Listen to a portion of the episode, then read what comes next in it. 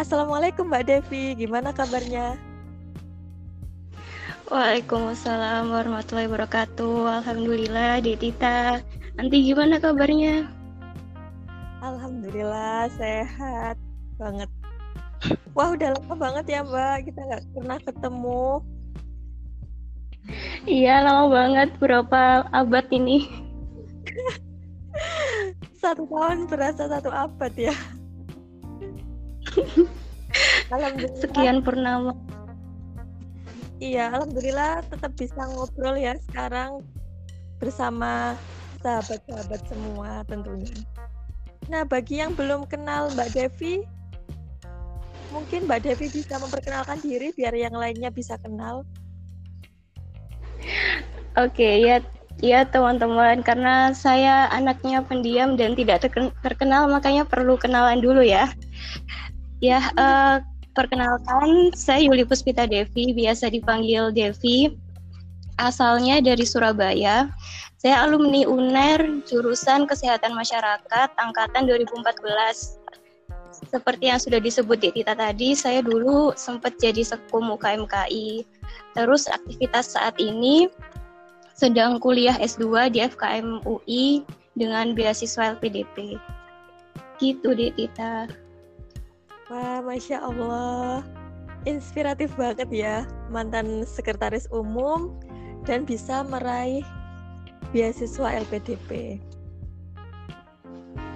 Nah, tentunya pasti pada penasaran nih sebelum mendapatkan beasiswa LPDP pasti ada aktivitas-aktivitas yang Mbak Devi lakuin untuk mempersiapkan diri itu nggak langsung dapat mbak ya? Setelah lulus nggak langsung dapat beasiswanya ya?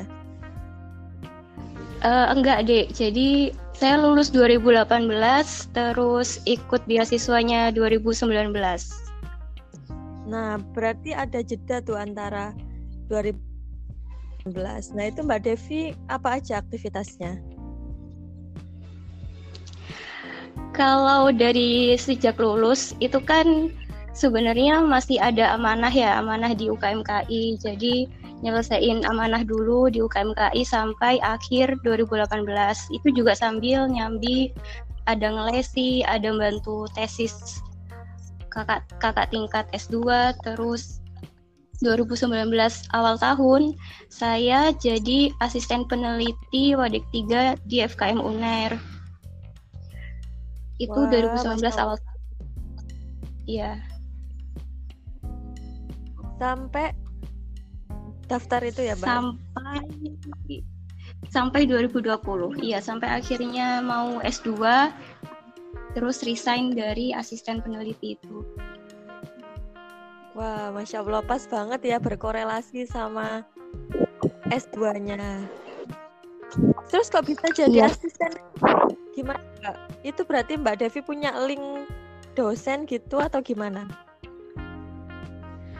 Um, apa ya kodarullah sih dek. Jadi emang itu ceritanya ada oprek. Jadi ada open recruitment untuk asisten peneliti pada 3 gitu. Terus ya udah saya daftar terus keterima gitu. Dan kebetulan ketika interview pun saya sampaikan kalau ke depannya saya ingin S2 terus pengen juga beasiswa. Terus alhamdulillah dapat panggilan untuk uh, diterima di asisten peneliti itu. Jadi oprek sih. Oh, kebetulan ada oprek ya.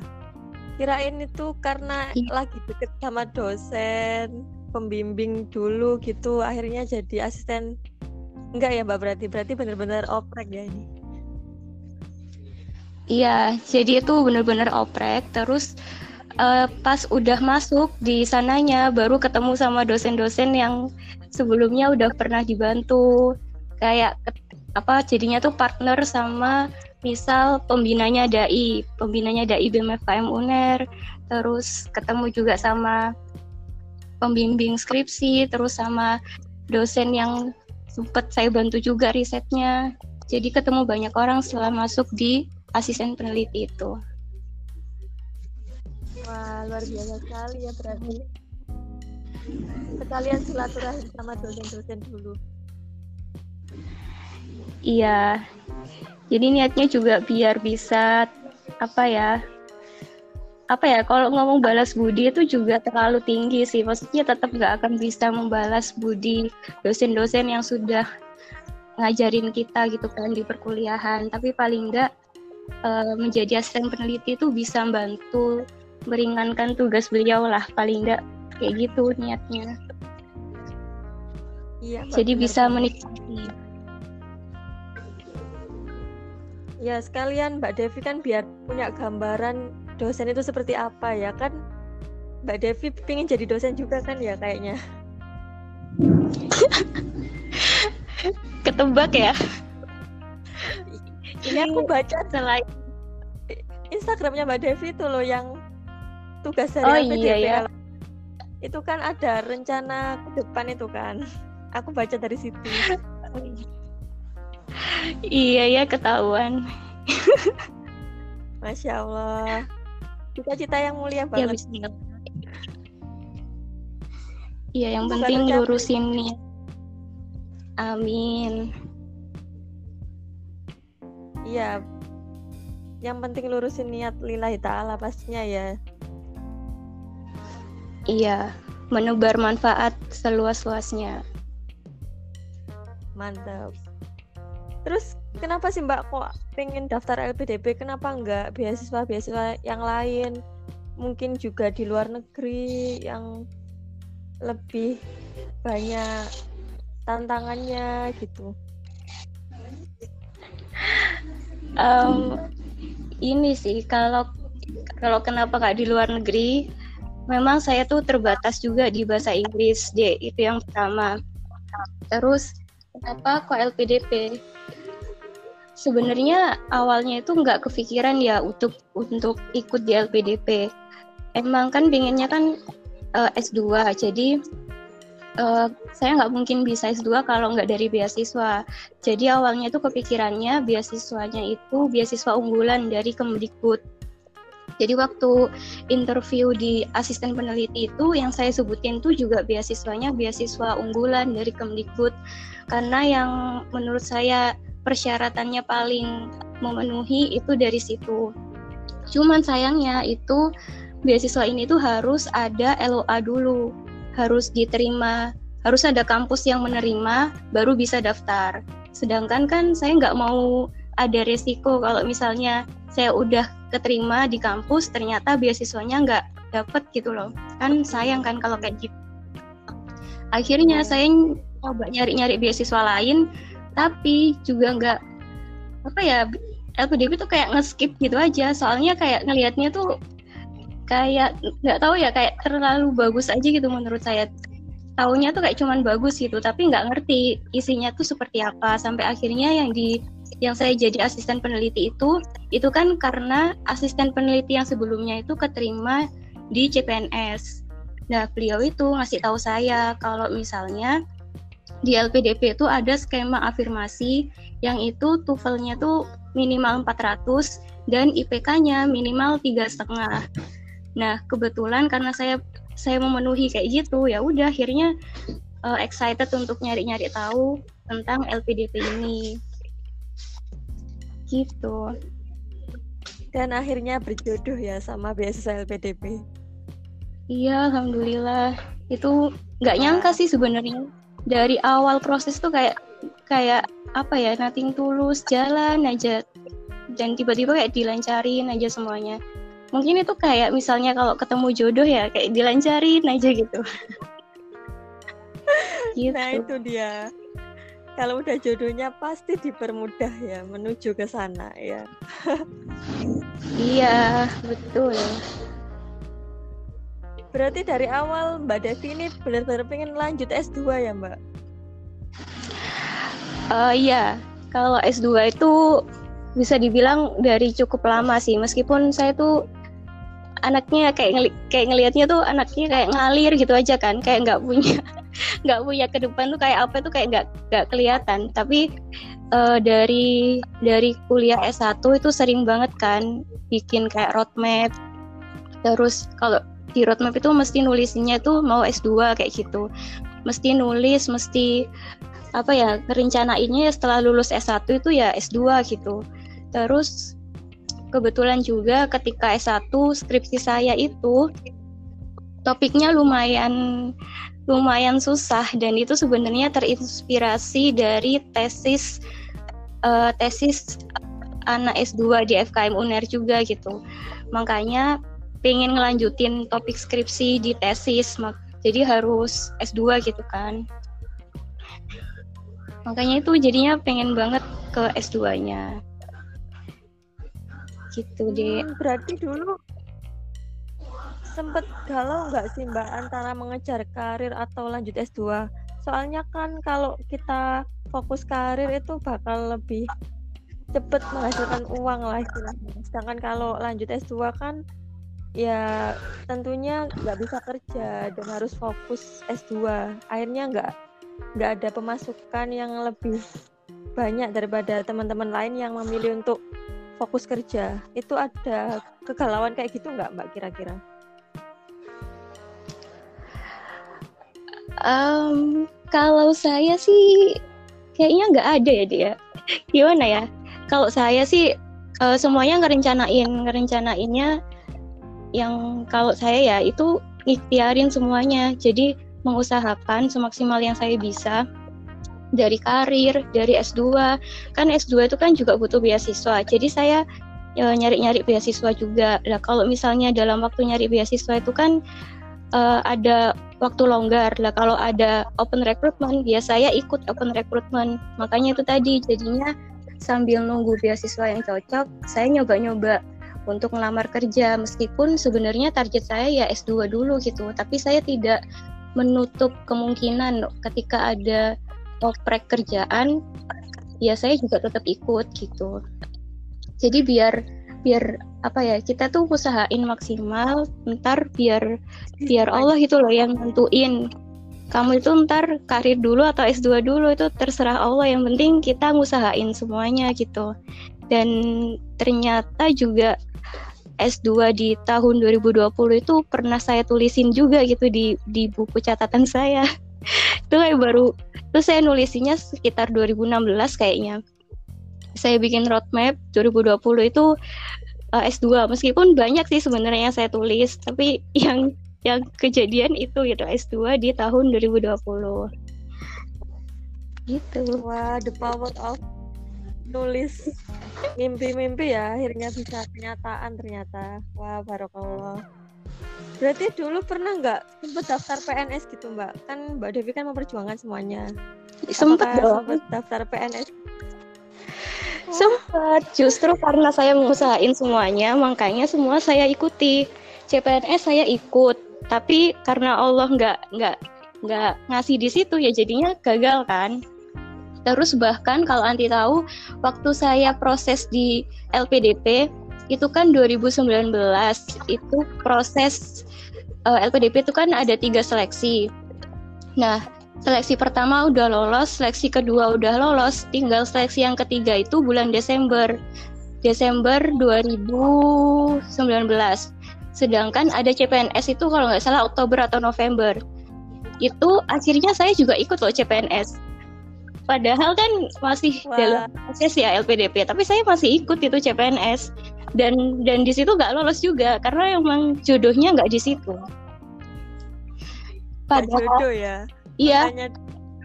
Padahal uh, kalau aku boleh uh, asisten peneliti yang sebelumnya beliau itu juga uh, ik, apa namanya juga pengen ikut beasiswa LPDP. Jadi beliau itu sempat ikut beasiswa LPDP, nggak lolos di tahap kedua. Tapi ketika beliau ikut CPNS, beliau lolos. Jadi itu kayak apa ya tiap orang tuh kayak sudah sudah ada rezekinya masing-masing, sudah ada tempatnya masing-masing gitu. Saya yang CPNS nggak lolos tapi dia lolosin di LPDP. Terus ada apa namanya asisten peneliti yang sebelum sebelum saya itu dia nggak lolos LPDP tapi lolos CPNS. Ya bisa jadi juga mungkin teman-teman kalau misalnya nggak lolos di CPNS, nggak lolos di LPDP, insya Allah ada yang lain yang lebih baik kayak gitu. Kalau kalau kita udah berusaha, kita udah punya niat yang baik, kita udah berdoa, sisanya tinggal tawakal gitu kan. insya Allah Allah kasih yang mantap mantap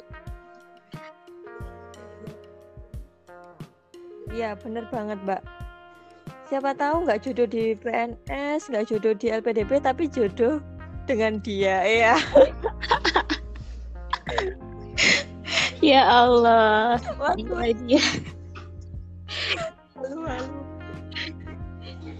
nah mbak kira-kira ada kekhawatiran nggak? Biasanya kan kalau cewek kuliahnya tinggi sampai S2 gitu kan akhirnya para cowok-cowok itu minder gitu loh. Nah Iya. itu kira-kira mbak Devi sempat nggak khawatir sekolah tinggi akan lebih susah mendapatkan jodoh. Itu kira-kira mbak Devi pernah merasakan kayak gitu? Em, kalau saya ya sebenarnya kalau saya sih enggak sih.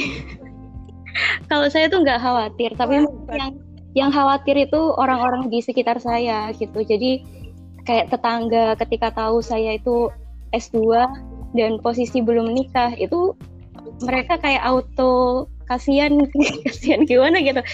Kok nggak nikah dulu atau gimana ya gitu kan. Terus ya udah saya sih nggak masalah ya kalau tetangga yang yang ngomong atau atau kayak apa. Tapi mungkin yang kasihan tuh kayak misalnya dari keluarga saya kayak misal ibu ya terutama yang sering kontak sama tetangga.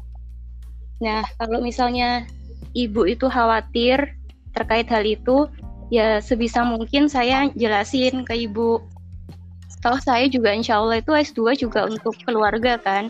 Harapannya kalau kita sekolah tinggi nanti kualitas keluarga kita juga bisa tinggi gitu kan. Punya anak-anak yang yang juga ntar pinter terus mungkin apa ya paling nggak kalau misal anak-anak kita nanti pengen sekolah tinggi kita bisa punya gambaran juga kayak gitu. Jadi insya Allah sekolah tinggi juga untuk keluarga sih. Tetap mengutamakan keluarga kalau misal ada Ikhwan yang minder gitu ya ya berarti mungkin nggak sevisi sih. Mungkin ya. Semoga aja dipertemukan dengan yang sevisi untuk saling mendukung. Amin. Jadi soalnya banyak kok apa, apa yang? Banyak juga kan yang em, muslimah muslimah sekarang itu yang S2 bahkan sampai S3 kayak gitu Iya bener banget. Sekarang udah trendingnya lah sekolah tinggi itu udah nggak kayak zaman dulu ya. Sekarang Nah, udah banyak kok yang sampai S2, S3. iya benar dan kalau Hal misalnya yang paling bikin Mbak Devi nggak takut itu apa Mbak? Nggak takut untuk mendapatkan tidak mendapatkan jodoh di posisi Mbak Devi yang sekarang. Gimana gimana hal yang paling membuatku tidak takut gitu tah Iya, tidak takut mendapat tidak takut tidak mendapatkan jodoh. ini sih sebenarnya kan eh, apa ya eh, dapat juga dari kayak ikut-ikut kajian pranikah itu kita tuh nggak perlu khawatir kalau jodoh itu nggak datang yang perlu kita khawatirkan itu kalau eh, kita menjemput jodoh itu dengan cara yang keliru. Dan kalau saya pribadi lebih ke eh, saya lebih khawatir kalau saya tidak maksimal dalam mencari jodoh itu mungkin ya. Daripada kalau misal jodoh nggak datang tuh nggak masalah tapi kalau saya yang nggak maksimal dalam mencari jodoh itu yang jadi masalah gitu. Nggak mencari jodoh ini seperti apa ya? Kayak misalnya memantaskan diri kayak gitu. Kalau saya nggak nggak maksimal dalam memantaskan diri dalam belajar dalam mencari tahu bagaimana kehidupan rumah tangga lah itu yang yang mungkin menjadi ketakutan saya. Tapi selama saya mem- memaksimalkan itu semua insya Allah saya nggak khawatir sih karena jodoh ini juga hal yang sudah ditetapkan ya sama Allah. Rezeki jodoh itu adalah takdir yang tidak akan melewatkan kita gitu. Kayak katanya siapa ya? Ali Umar bin Khattab Ali bin Abi Thalib gitu.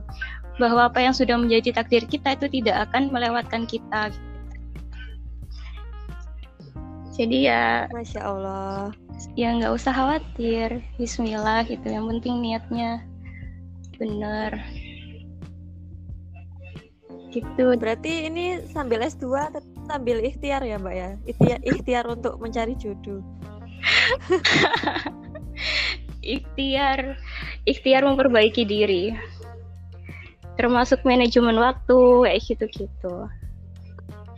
Uh, bakti sama orang tua kayak gitu sih nggak nyari jodoh terus kemudian ya, apa namanya? Baper kayak gitu ya. Jadi biar nggak baper. Kadang orang baper itu karena dia punya waktu untuk baper kalau dia waktunya dimaksimalin uh, ditingkatkan kualitasnya pada hal-hal yang positif, insya Allah dia nggak akan punya waktu untuk baper-baperan gitu. Gitu deh. Mantap deh. Iya, berarti Mbak Devi ini tetap apa namanya skip nggak nggak nunggu S2 selesai ya pokoknya emang kalau udah waktunya baik menurut Allah ya Mbak Devi tetap melaksanakan ya melaksanakan pernikahan. Aduh apa sih deh uh, gimana ya? Ya undangan dari Mbak Devi. Amin. Saya nunggu anti ya saya nunggu anti. Oh. ya enggak lah mbak. Mbak Devi dulu lah. Gila. ya insya Allah yang siap dulu lah kalau Allah Allah itu ini sih kemarin juga ikut dari Ustadz itu Allah itu ngasih jodoh itu kalau kita udah siap. Jadi jangan sampai ketika kita tuh udah nikah terus kita tuh bisa ngebayangin bahwa kok enakan gak nikah ya kayak gitu loh. Jadi kalau misal kita tuh udah siap udah memantaskan diri benar-benar udah siap tuh insya Allah jodoh itu akan datang gitu.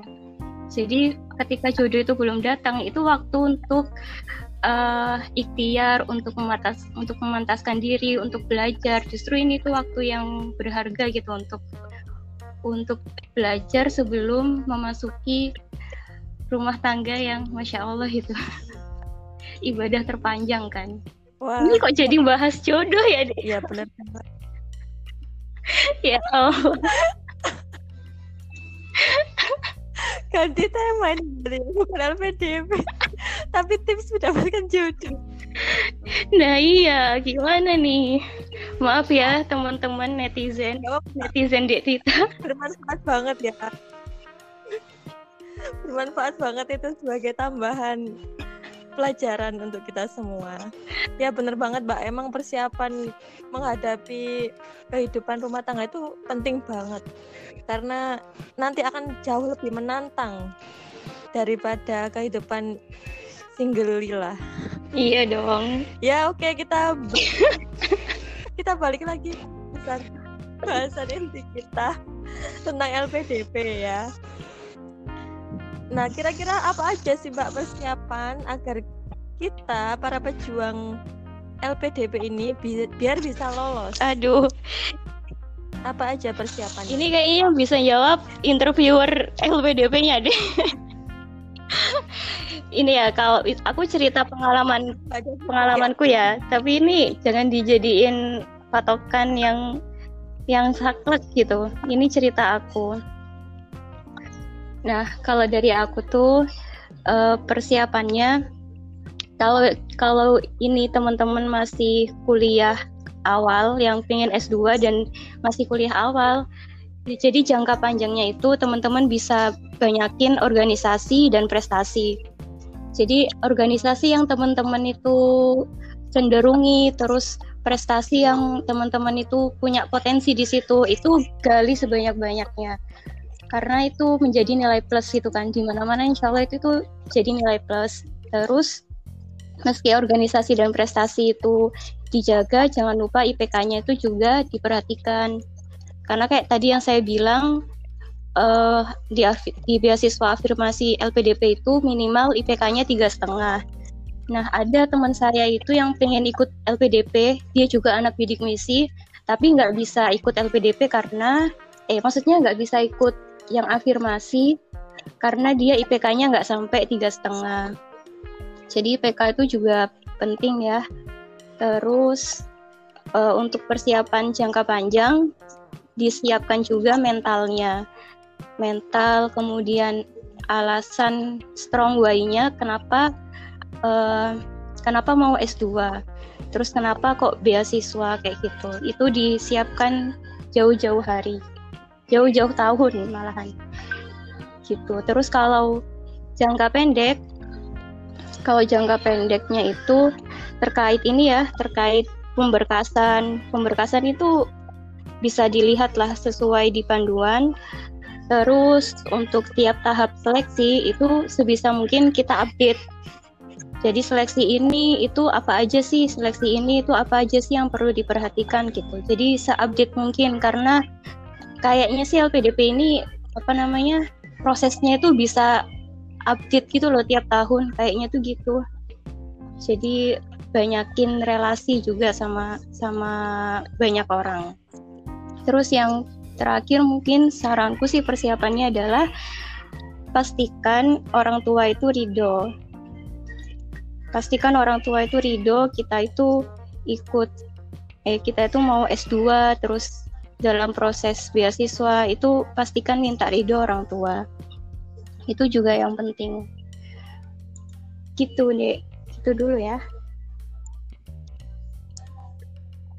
Wah, luar biasa tips-tipsnya. Jadi Mbak Devi dulu persiapannya itu juga sambil kerja ya iya benar. Makanya itu yang bikin yang bikin apa ya kayak nggak kerasa gitu deh jadi kayak kerasanya persiapannya itu kayak nggak inget gitu. Karena karena itu kayak benar-benar di sela-sela kerja yang saya harus manajemen waktunya tuh ngatur uh, pas istirahat kan. Berarti pas istirahat kerja saya harus cepet-cepetan ngurus surat sehat, ngurus ini, ngurus apa namanya TOEFL, harus izin ke ke wadik tiganya kayak gitu-gitu. Alhamdulillahnya wadik tiga itu juga support kan jadi alhamdulillahnya juga itu. Mulai ngurus-ngurusnya itu kehamin berapa bulan mbak? Kayak surat sehat dan lain-lain. Nah saya tuh sebenarnya udah nyari dari beberapa bulan jauh-jauh hari sebelum pembukaan. Tapi itu kan nggak nemu yang benar-benar benar-benar pas kayak gitu kan. Tapi kalau misalnya bisa ya maksudnya kalau yang umum-umum kayaknya bisa ya disiapin dari sekarang jadi waktu itu saya itu nyiapin dari yang batch satu yang di bulan Juli. Tapi terus karena itu nggak nggak apa namanya ada kendala akhirnya saya harus mundur ke batch yang selanjutnya. Tapi kalau ditanya berapa lama mungkin sekitar sebulan sebenarnya bisa sih dek sebulan soalnya yang lama itu TOEFL kan mantap mantap. Iya TOEFL itu nggak bisa dadak-dadak emang harus iya makanya itu. Bahkan setahun setahun pun belum tentu ya bisa naik sampai 500 apalagi kalau di luar afirmasi mbak ya. Di luar afirmasi itu kan kalau nggak salah 500 ya Mbak ya. Kalau di luar jalur afirmasi. Iya, kalau dalam negeri 500. Kalau luar negeri 550. Kalau luar negeri ya. nggak ya. bisa TOEFL. Dia mintanya IELTS. Iya, iya. Kalau afirmasi. Iya. Nah, berhubung Mbak Devin afirmasi berarti 400 Afirmasi ya? 400 atau 400? Afirmasi kalau dalam negeri 400, kalau luar negeri 500. Soalnya kalau di afirmasi, soalnya ah. kalau di ah. afirmasi itu nanti kita dapat bimbingan bahasa Inggris. Jadi biar bisa masuk ke perguruan tinggi yang Wah, diinginkan. Gitu. Nah, afirmasi ini berarti sangat peluangnya besar ya Mbak ya. Jadi jangan sampai melewatkan jalur afirmasi yang spesial ini. Iya, ya, dan afirmasi ini banyak banyak jenisnya. Nanti teman-teman bisa cek di panduan ya. Ada beasiswa santri, ada beasiswa apa lagi ya, disabilitas. Kasih. Terus yang alumni bidik misi itu ada banyak sih.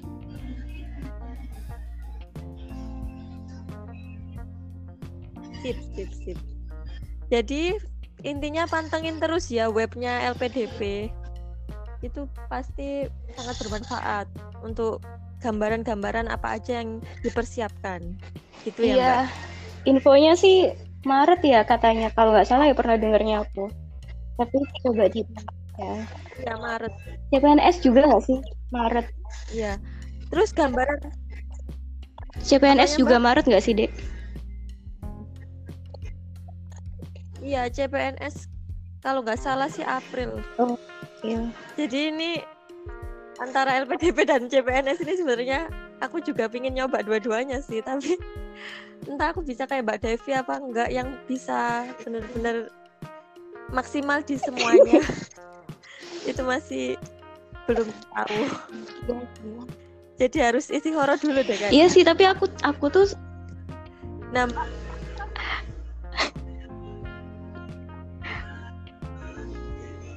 aku dulu apa nanti. Ya kenapa Mbak? Aku tuh sebenarnya iya Mbak. apa Devi. namanya ada waktu luang soalnya sih. Sebenarnya juga nggak waktu luang sih. Tapi kayak ada ada ya ada waktu gitulah dek. Maksudnya sambil nunggu persiapan wawancara yang nggak yang belum ada kabar ya udah aku nyoba CPNS kayak gitu. Jadi memang memang ada waktu untuk untuk ngusahain ke CPNS juga gitu. Jadinya nyoba itu juga. Tapi kalau misal anti misal ya mau fokus ke LPDP ya nggak apa-apa. Sesuai dengan kemampuan juga. Jangan sampai nanti malah sakit. Jangan sampai gitu. Iya sih Mbak, bener. Emang pasca kampus itu banyak gabutnya sih. Aku ngerasain kayak gitu. Jadi mending ya bener kata Mbak Devi sih dimaksimalin aja ikhtiar-ikhtiarnya ke karir ataupun beasiswa.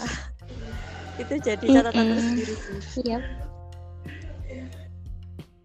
Nah, nah Mbak kira-kira ada nggak gambaran tahapan seleksi secara garis besar aja? Kira-kira ada berapa tahapan? Oke, kalau tahapan seleksi dari LPDP itu kalau yang aku kemarin ya itu tuh ada tiga.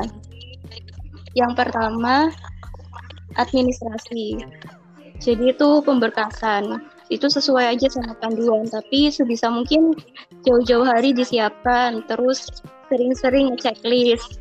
Karena apa ya sering banget orang teman-teman tuh sering-sering sering banget miss Terus yang kedua itu SBK, seleksi berbasis komputer. Ini kayak PPA dan ada essay on the spot-nya. Jadi nanti essay on the spot ini kayak dikasih studi kasus.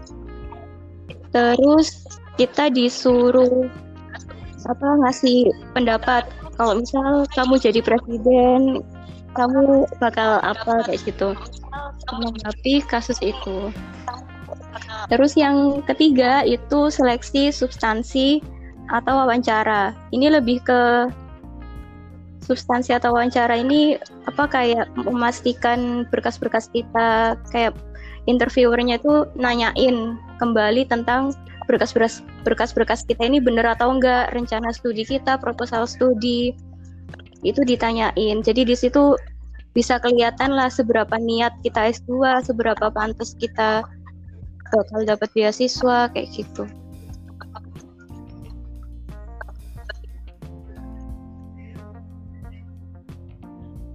Iya Mbak, berarti emang kalau kita niat daftar LPDP itu harus punya strong why ya, yang benar-benar strong dan juga jelas gitu rencana ke Yap. depannya apa. Dan tentunya mereka pastinya mereka pastinya menilai dari kontribusi yang Iya, kita benar. berikan nantinya ya. Jadi Mbak. ya kontribusi itu nggak cuman apa ya, nggak cuman kontribusi setelah lulus, tapi yang kemarin itu jadi patokan mereka. Kan kalau misal kita kemarin udah kontribusi banyak nih, berarti insya Allah nanti setelah lulus juga bakal kontribusi banyak kan, kayak gitu. Tapi juga nanti ditanyain spesifik juga kontribusinya di mana, terus bermanfaat nggak ya buat buat bangsa Indonesia ini kayak gitu.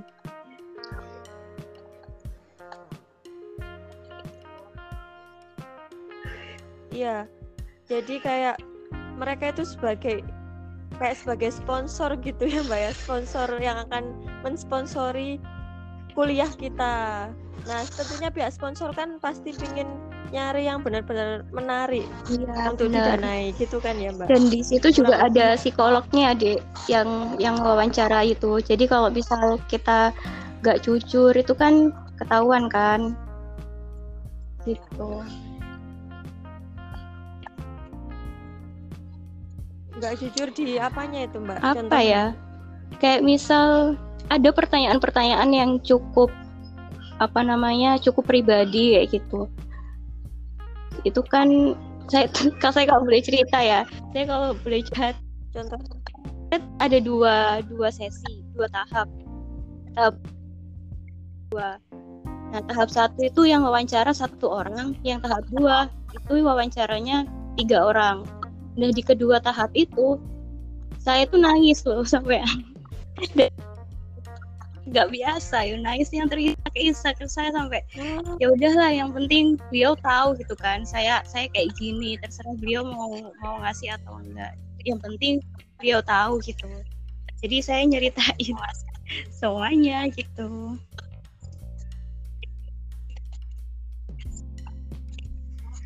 Tentang apa, Mbak? Kira-kira pertanyaannya? Contohnya, kok sampai Devi Em, bisa nangis? ini sih. Ini sebenarnya juga ada di di blognya banyak orang ya. Tentang kalau saya sih tentang ada ditanyain tentang em, titik terendah titik terendah. Itu ter- itu. Kalau tanya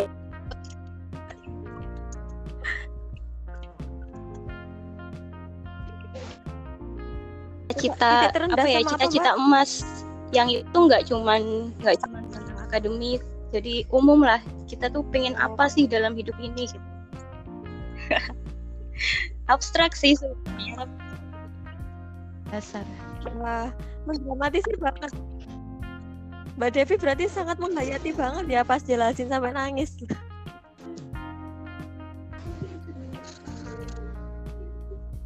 iya udah dengar Halo? Berarti Mbak Devi pas jelasin itu sangat menghayati gitu ya, sampai nangis. iya Bener-bener dari hati berarti. iya jadi kayak gitu sih dek kayak lagi Wah, curhat nih. dan itu kayaknya aku nggak pernah cerita ke siapa pun sebenarnya mungkin ya ada sih paling satu dua orang gitu jadi penasaran kan nanti apa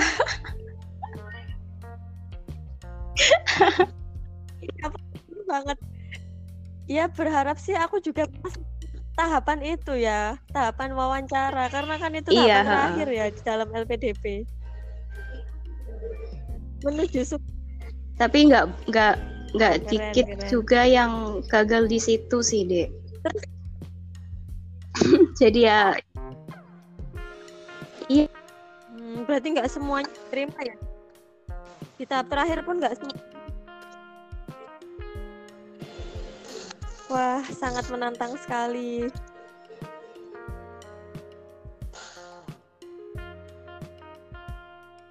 Terus ada nggak Mbak kendala-kendala yang Mbak Devi hadapi selama Kalau seleksi itu? kendala selama seleksi ya kalau kendala selama seleksi itu ya itu tadi yang terkait dengan TOEFL kan TOEFL itu lama ya. Nah saya itu ini contoh yang contoh yang salah. Saya itu nggak teliti waktu itu. Jadi saya kira TOEFL itu bisa TOEFL apa pun ternyata harus TOEFL ITP yang yang kerjasama dengan ETS dan itu yang yang pokoknya harganya 500-an lah. Nah, waktu itu saya tuh megangnya TOEFL yang yang bukan dari ITP, yang saya tuh ikut paling cuma 50.000 lah itu tesnya. Nah, ternyata menjelang menjelang deadline saya baru tahu kalau ternyata harus TOEFL ITP, makanya waktu itu yang awalnya dari batch 1 saya mundur ke batch 2 untuk ngurus TOEFL doang. Kayak gitu. Terus sama kendalanya itu ada masalah di ngurus surat sehat tapi bukan surat sehat sih jadi kan ada surat sehat surat bebas narkoba sama surat bebas TB nah yang surat sur nah kalau dalam negeri itu ternyata cuman butuh surat sehat sama surat narkoba surat bebas narkoba.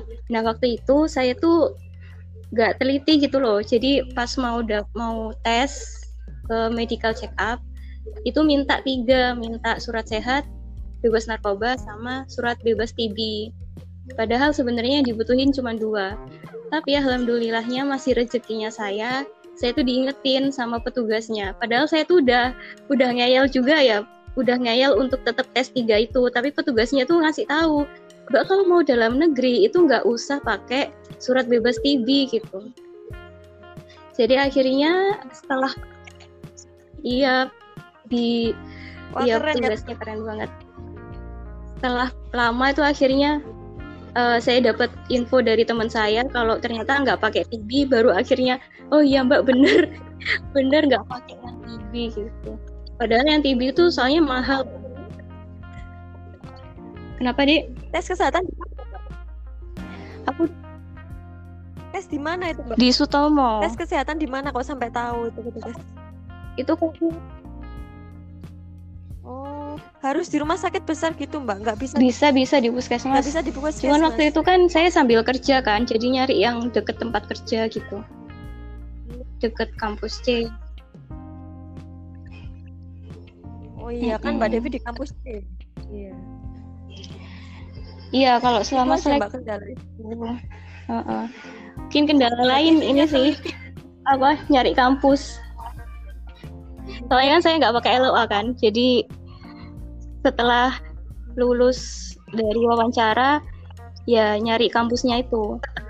Karena sebenarnya awardee itu setelah kita dapat LOA plus lulus di wawancara. Kalau misal kita lulus ketiga tahap seleksi LPDP tapi kalau kita nggak dapat nggak dapat LOA dari kampus ya kita nggak bisa jadi awardee. Dan itu nggak sedikit juga teman-teman yang sebenarnya udah lolos nih tiga tahap tapi karena dia nggak teliti dengan syarat kampus yang dipilih akhirnya dia ngundurin diri dari LPDP karena ya udah nggak bisa nggak bisa nggak bakal bisa dapat LOA dari kampus yang dipilih itu jadi harus Iya makanya sayang banget Oh, udah ngikutin ya seleksi dari awal. Ya akhirnya nggak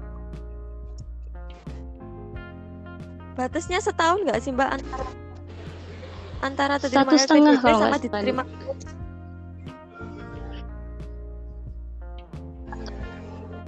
Oh satu satu setengah. Dan itu pun kampusnya harus sesuai yang di Iya. LPDP ya?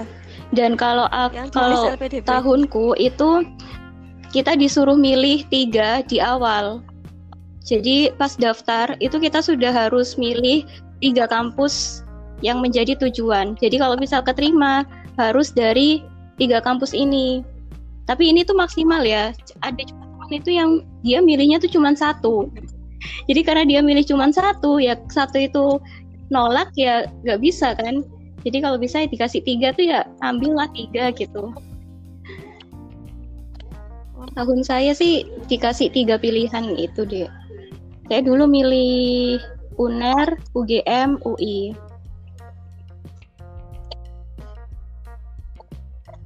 Iya padahal pilihan ketiga saya loh. Allah. Itu panjang sih. luar biasa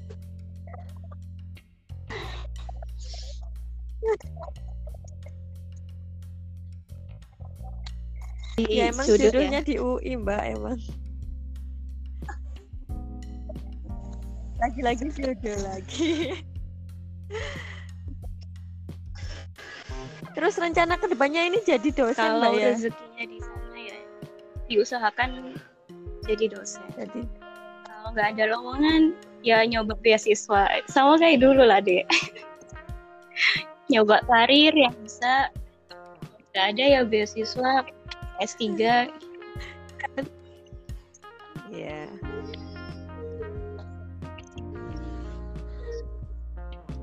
Masya Allah. Semoga terwujud Mbak ya rencana-rencana setelah S2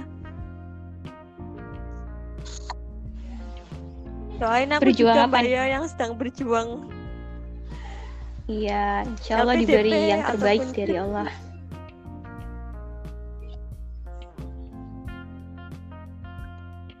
Amin. Nah, kira-kira ada nggak Mbak pesan-pesan untuk para pejuang LPDP? Oke. Okay. Biar lebih semangat. Terutama melawan rasa malas, Mbak. Rasa malas itu yang aduh harus dilawan. Nah, tapi itu kadang kenyataannya itu malesnya itu Mbak yang luar biasa menggoda. Gimana Mbak pesan-pesan dari Mbak Devi? Kalau saya sih ini sih uh, eh, LPDP itu kan beasiswa yang berkomitmen ya dari tahun ke tahun untuk membiayai pendidikan anak bangsanya. Maka kalau pesan saya kita sebagai pejuang LPDP ya mestinya kita harus berusaha memberikan yang terbaik, berkontribusi sebanyak-banyaknya untuk negeri ini. Jadi apa ya LPDP itu ingin mencetak pemimpin bangsa gitu. Masa iya pemimpin bangsa mau males-malesan kayak gitu? Mau ngecek buku panduan aja sampai nggak teliti gitu kan. Jadi apa ya? Ya kita berusaha untuk kalau misal kita itu mau dapetin beasiswa LPDP itu berarti kita tuh sedang ingin menjadi pemimpin bangsa di di masa depan kayak gitu. Mungkinkah seorang pemimpin itu harus apa namanya bermalas-malasan kayak gitu?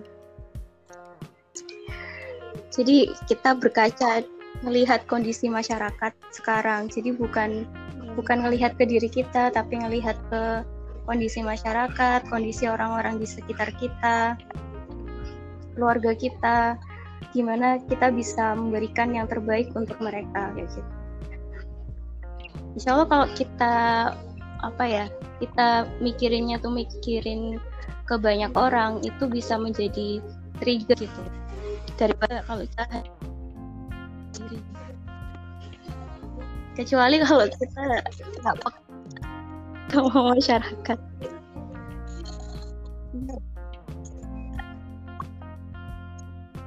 Iya bener banget ya intinya kita harus memantaskan diri mbak ya. Kalau pengen dapat beasiswa LPDP ya berarti kita harus memantaskan diri biar kita itu pantas untuk menjadi seorang award iya. LPDP masa kita ya, ingin sesuatu yang besar tapi yang kita lakukan kayak gini-gini aja gitu kan.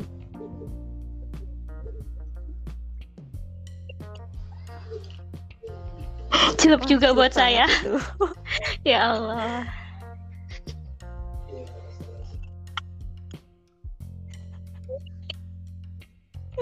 luar biasa banget. Banyak banget insight positif yang bisa iya, kita meskipun, dapatkan malam ini. meskipun ada bumbu-bumbu nggak jelasnya ya teman-teman. mbak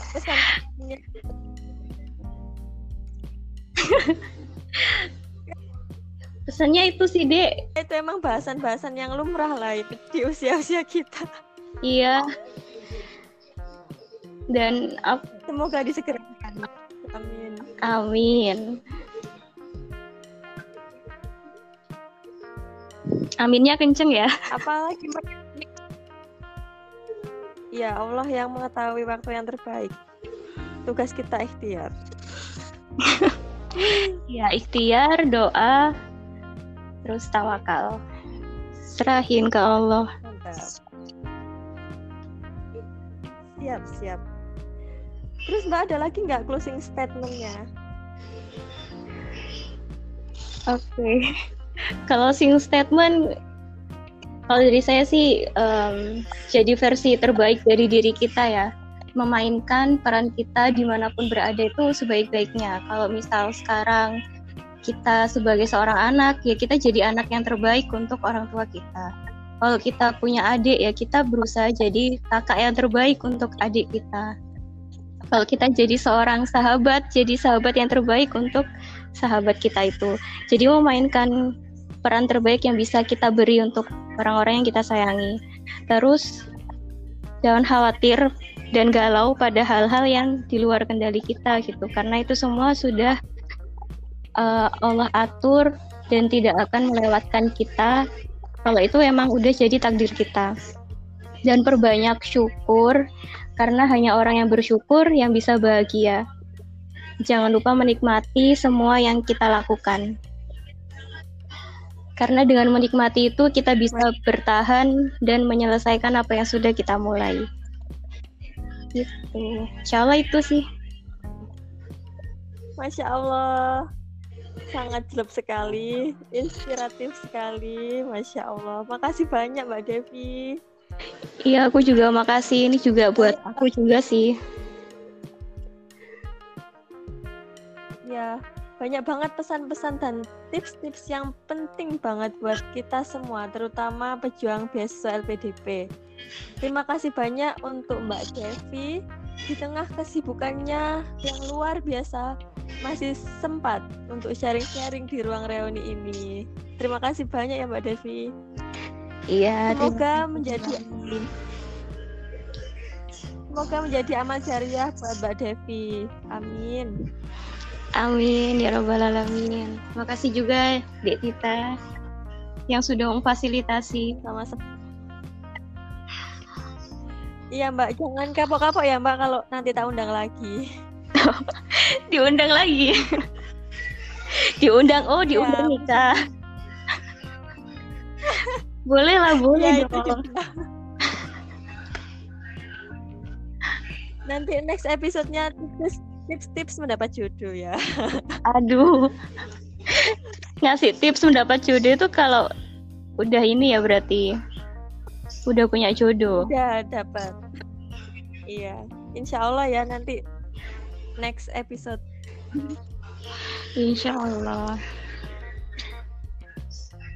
Wah, nggak kerasa ya Mbak kita ngobrol-ngobrol dari tadi. Ternyata udah hampir satu jam. Wah, luar biasa. Kayak kerasa satu menit gitu. Ternyata udah satu jam. Luar biasa. Iya ya, nggak kerasa ya. Oke. Okay. Iya, nggak kerasa banget. Oke. Okay. Ini dulu ya. Sebelum kuota dari sahabat-sahabat ini habis. Kita akhiri episode kasih banyak buat yang udah dengerin sampai akhir. Tetap semangat dan jangan lupa bahagia.